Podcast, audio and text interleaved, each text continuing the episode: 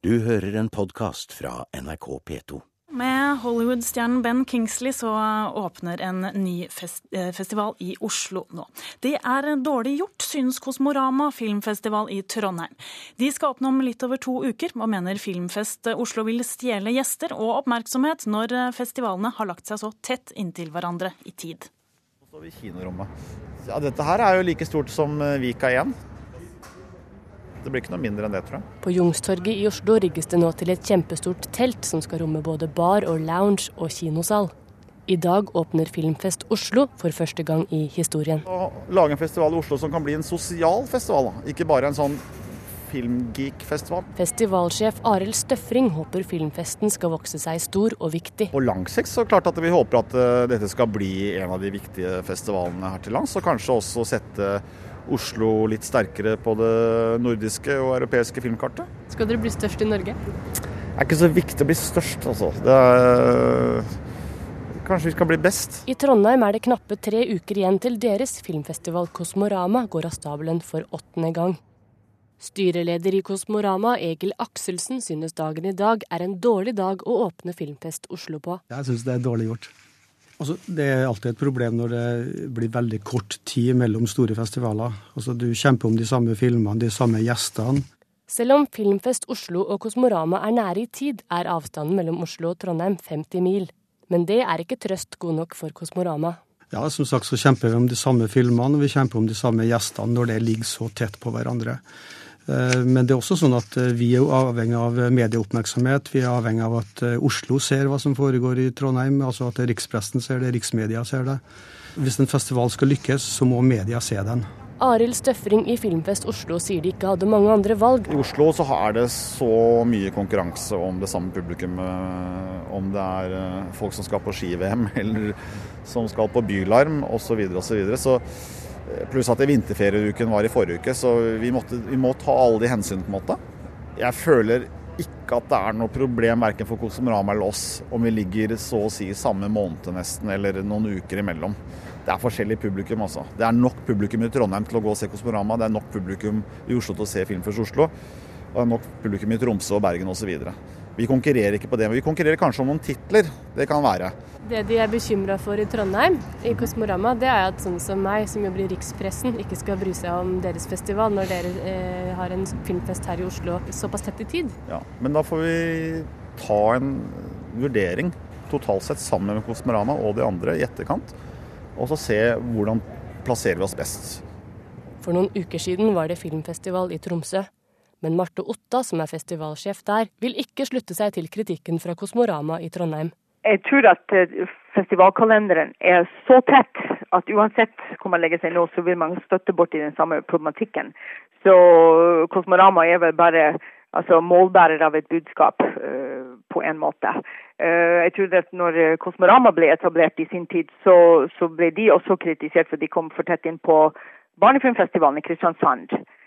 Uh, og Jeg husker når uh, filmfestivalen i Tromsø ble etablert. Det var den første spillefilmfestival som kom uh, etter Haugesund, som var alene i terrenget. Og Haugesund var ikke så veldig begeistret for det heller.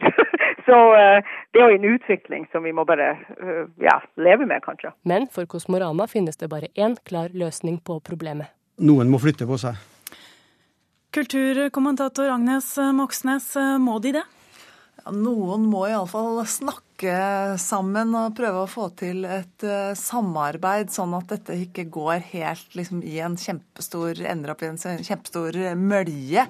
Men jeg skjønner at, uh, at Trondheim er irritert, fordi at film på kino og festival er i høyeste grad uh, ferskvare. Både for å få lokke publikum til kinoen, og for å få rikspressen til å bli interessert i, i festivalen.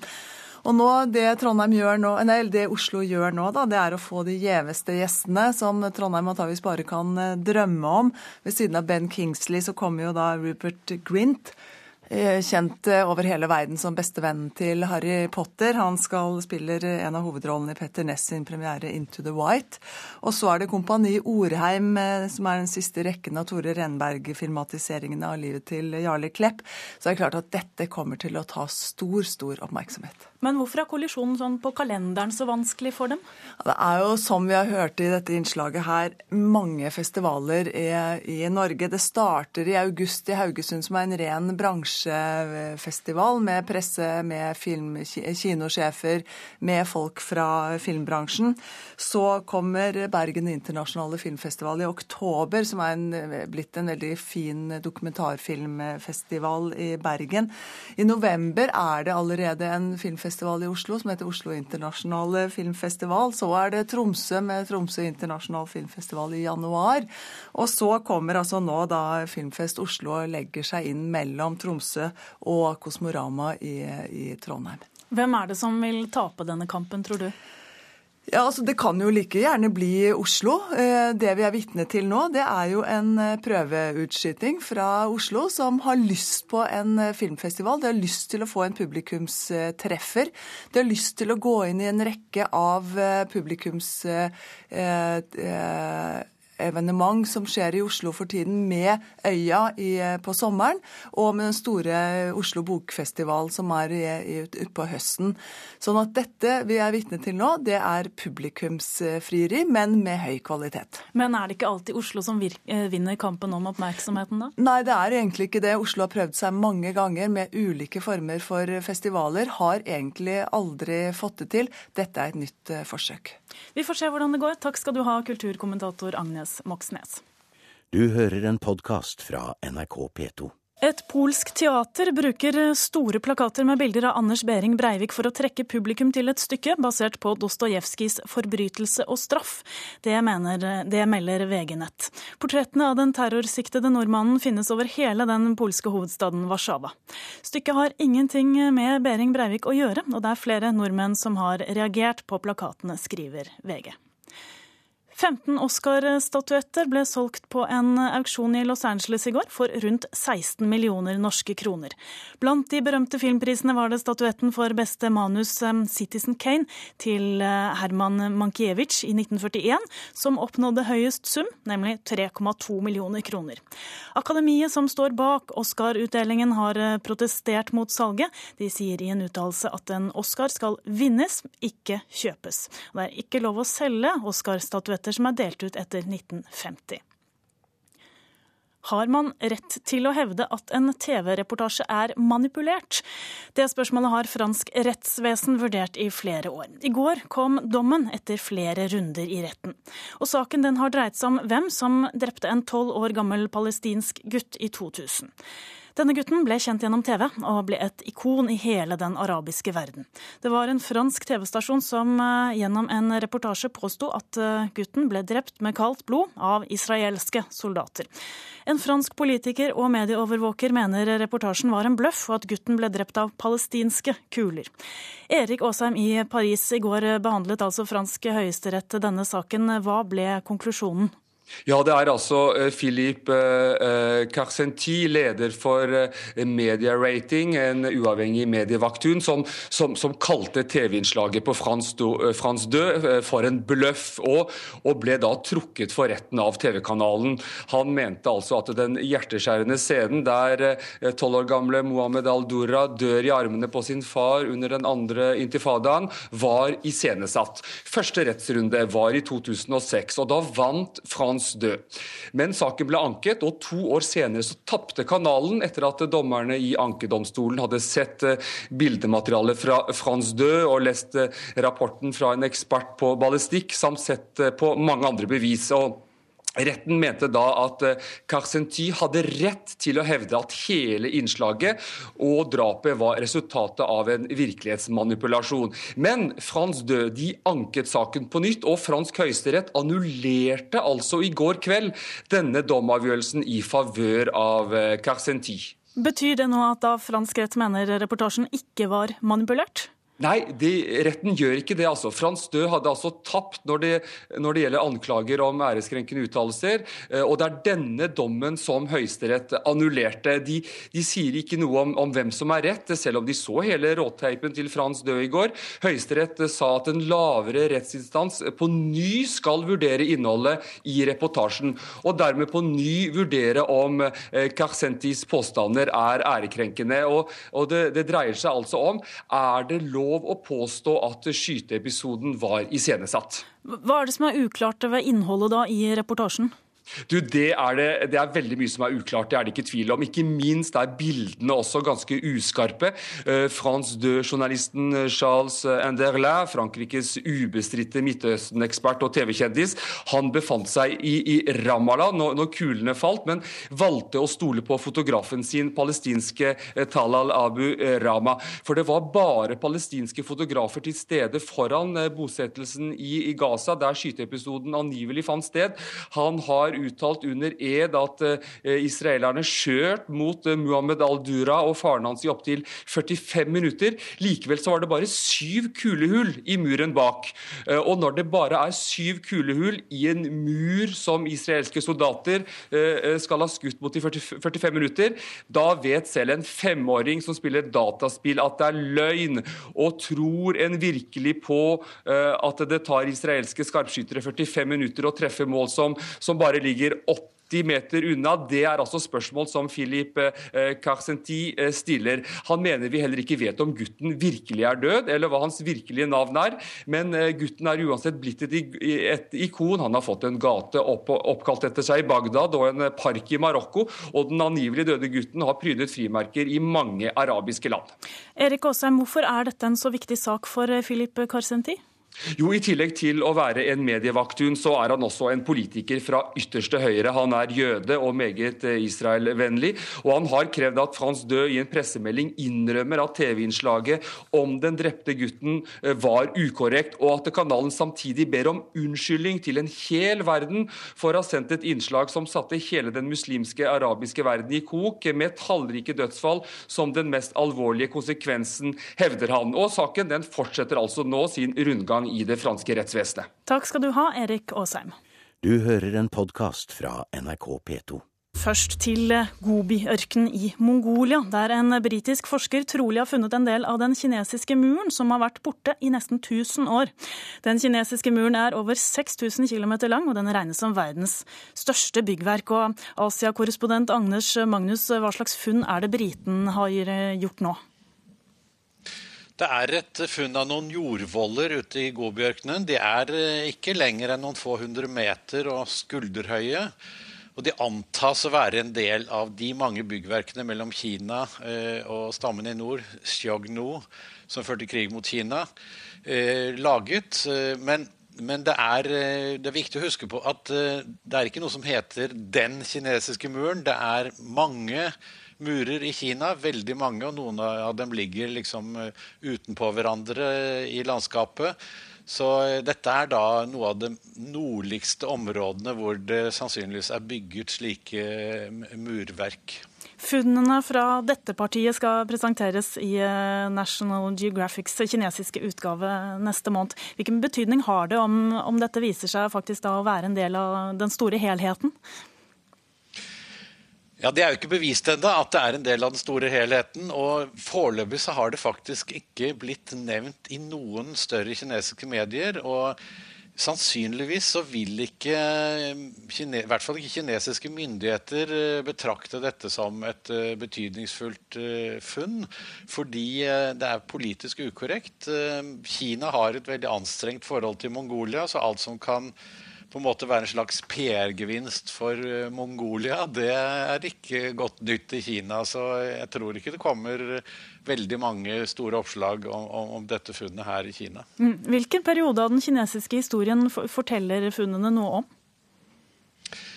Altså, eh, denne forskeren som eh, jo har holdt på med muren i, i mer enn 25 år, William Lindsay, han har tatt noen karbontester av de funnene han gjorde. og de tilsier at dette byggverket er fra 1100- til 1200-tallet, da Jin-dynastiet eh, regjerte i Nord-Kina. Dette er en stamme som egentlig kommer fra Manchuria. De bygget mange murer mot nord, men det var til ingen nytte, fordi eh, deres fiende Djengis Khan, som eh, ble valgt til leder av Mongolien i 1206, han erobret Beijing ganske raskt etterpå, og i 1290 så hadde han jo tatt hele Asia. Så Djengis Khan sier jo det spiller ingen rolle hvor sterke murene er. Det avhenger av motet hos dem som vokter dem. Og dette motet var altså ikke særlig stort eh, i den kinesiske hæren. Mm, det sier vel noe om hvor viktig den kinesiske muren er for Kinas eh, historiske selvbilde. Hva kan du si om det, Anders Magnus? Det er veldig viktig akkurat i dag, men det har ikke vært sånn uh, før uh, for 70 år siden omtrent. Uh, da var det ingen som brød seg om denne muren i slutten av keisertiden. Men så tok man den opp igjen fordi man trengte et slags nasjonalt symbol. Et symbol på, på Kinas storhet. Og, det er klart at hvis i dag så ser vi også at det blir brukt mye statlig propaganda som et bilde på Kinas storhet. Men hvis det skal vise noe om stor, storheten i Kina, så, så, er det jo en dårlig storhet akkurat nå. Da, fordi eh, mesteparten av disse murene er jo veldig dårlig forfatning. Det er bare noen få kilometer som brukes til uh, turistformål og viser fram til statsleder nord for Beijing, som er, som er skikkelig gode. Like fullt så hevdes det jo at dette kan ses fra månen. Eh, er det sant? Egentlig? Nei, det, det, er ikke sant. Det er veldig mange myter om eh, denne muren. Eh, og denne myten om at det kan ses fra månen, er faktisk helt fra 1893. Lenge før det ble noe romfart i det hele tatt, så, så skapte man denne myten. Og da Neil Armstrong var, på, eh, var ute i verdensrommet, så påsto han at han hadde sett muren, men senere så var det noen forskere som, som påviste at det var en skyformasjon han hadde sett. og i 2003 eh, så hadde kineserne sin første astronaut, Yang Li-Wei, ute i rommet. og han, eh, når han kom tilbake, så måtte han eh, beskjemmet innrømme at nei, han kunne ikke se en eneste bit av muren fra verdensrommet. Og det er jo ikke så rart, for den er ikke mer enn kanskje ti meter på sitt bredeste. Så når man ser den og opplever den i virkeligheten, så skjønner man at dette kan umulig ses så langt borte fra. Den er ikke bred nok, altså. Takk skal du ha, Anders Magnus. Lang er den i hvert fall, 600 mil, og det finnes biter av den også i Gobiørkenen. Du hører en podkast fra NRK P2. Arnaldur Indridason har skapt seg et eh, betydelig navn gjennom sine krimbøker fra Island. Nå er den tiende boken om Erlendur Sveinsson klar, med tittelen Hjemstavn. Vår anmelder Leif Ekle syns han har lest en eh, uvanlig god kriminalroman. Så er den her, altså. Den boka Arnaldur Indridason har bygd opp til med små, men effektive litterære virkemidler gjennom ni foregående bøker om den lavmælte og nokså depressive Erlendur Sveinsson og kollegene hans ved Reykjavik-politiets etterforskningsavdeling. I to bøker nå, Irrganger og Anger, har Erlendur, vår første helt, vært på privat reise, ferie, oppe ved Østfjordene der han vokste opp. Leseren har mer enn ant at fraværet har noe med bakgrunnen hans å gjøre, med broren Bergurs dramatiske forsvinning i barndommen spesielt, den som også utløste Erlendurs inngående interesse for historier om folk som er blitt borte, i fjellet, på sjøen, uten noen gang å komme til rette. Samtidig ville dette ikke vært innrida sånn om ikke Island og historiens gang hadde sin plass, der det gamle sakte må vike for det som er nytt. Eskifjørdur var som en hvilken som helst annen bygd i Østfjordene, bare så vidt større enn en husklynge rundt en havn der hovedgata gikk langs med sjøen. Men bygdas historie var lang, og generasjonene som bodde der, hadde opplevd store samfunnsomveltninger. Nå sto de overfor en ny stor endring i og med byggingen av en gigantisk demning i et naturområde like ved, og et produksjonsanlegg for aluminium ved nabofjorden. På ugjenkallelig vis tok fortiden på ny farvel, og en ny tid var jevning. Tilknytningen til Erlendurs egen fortid bekreftes fra første side i hjemstavn. Erlendur er tilbake i bygda der han vokste opp, camperer i et fraflyttet gårdshus. Det marerittet tolvåringen Erlendur opplevde da lillebror Bergur ble borte for ham i snøstormen, har aldri sluppet taket. Det har heller ikke følelsen av skyld. Samtidig er Erlendur stadig mer besatt av en annen forsvinning.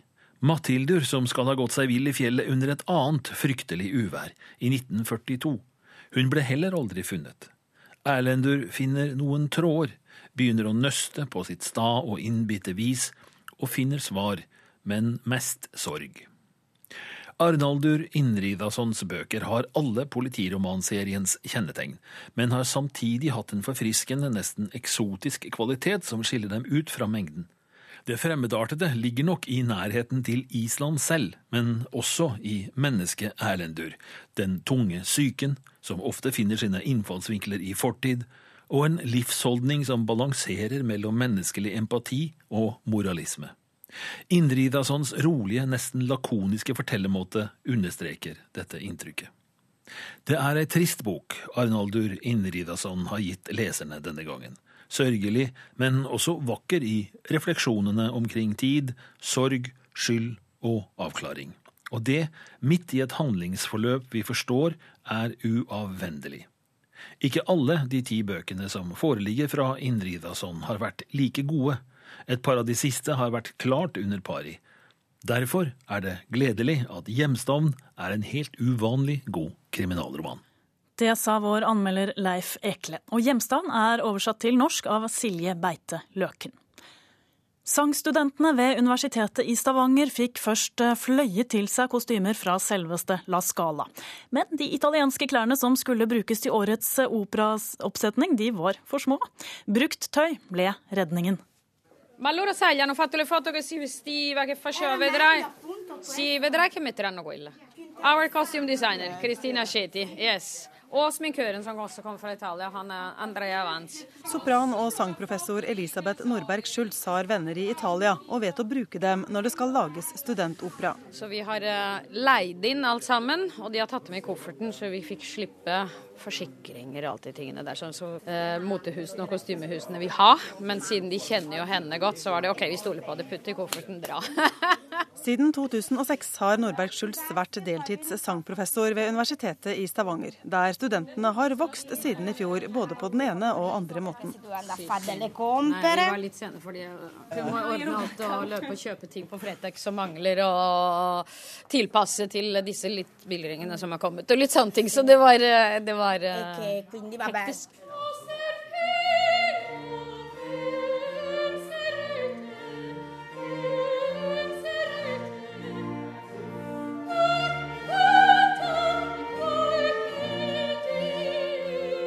Årets forestilling er betalt av finansmannen Tor Dagfinn Ven. Siden 2008 har kunst- og operaelskeren gitt til sammen 2,5 millioner kroner for at Nordberg Schulz skal få lage opera med studentene i Stavanger. Det redder jo på en måte hele sangmiljøet i Stavanger, for de har ikke et operahus å gå til regelmessig, sånn som i Oslo. De går på operahus, også de som går på operaskolen får lov til å være stipendiater der. Og det har utviklet seg til at de er blitt flinkere og flinkere. Nå var jeg i Oslo og hadde audition i to dager for Oslo Operafestival. Og der ble hovedrollen valgt ut fra våre studenter her.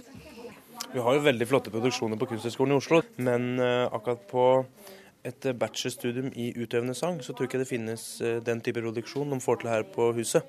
Eller det blir veldig, det blir veldig liksom profesjonelt seende ut. da. Og det er viktig. Det sier Bernt Olav Volungholen. Operastudenten ved Kunsthøgskolen i Oslo er innleid forsterkning til helgens forestilling, der kjæresten Siri Kvall Ødegård også spiller en sentral rolle. Det her er jo i hvert fall det jeg har tenkt å leve av resten av livet. Og, og da er det greit å ha prøvd det i en trygg setting. Så det her betyr så masse, og jeg vet at det er ikke, det er ikke så mange skoler i Norge som får det her.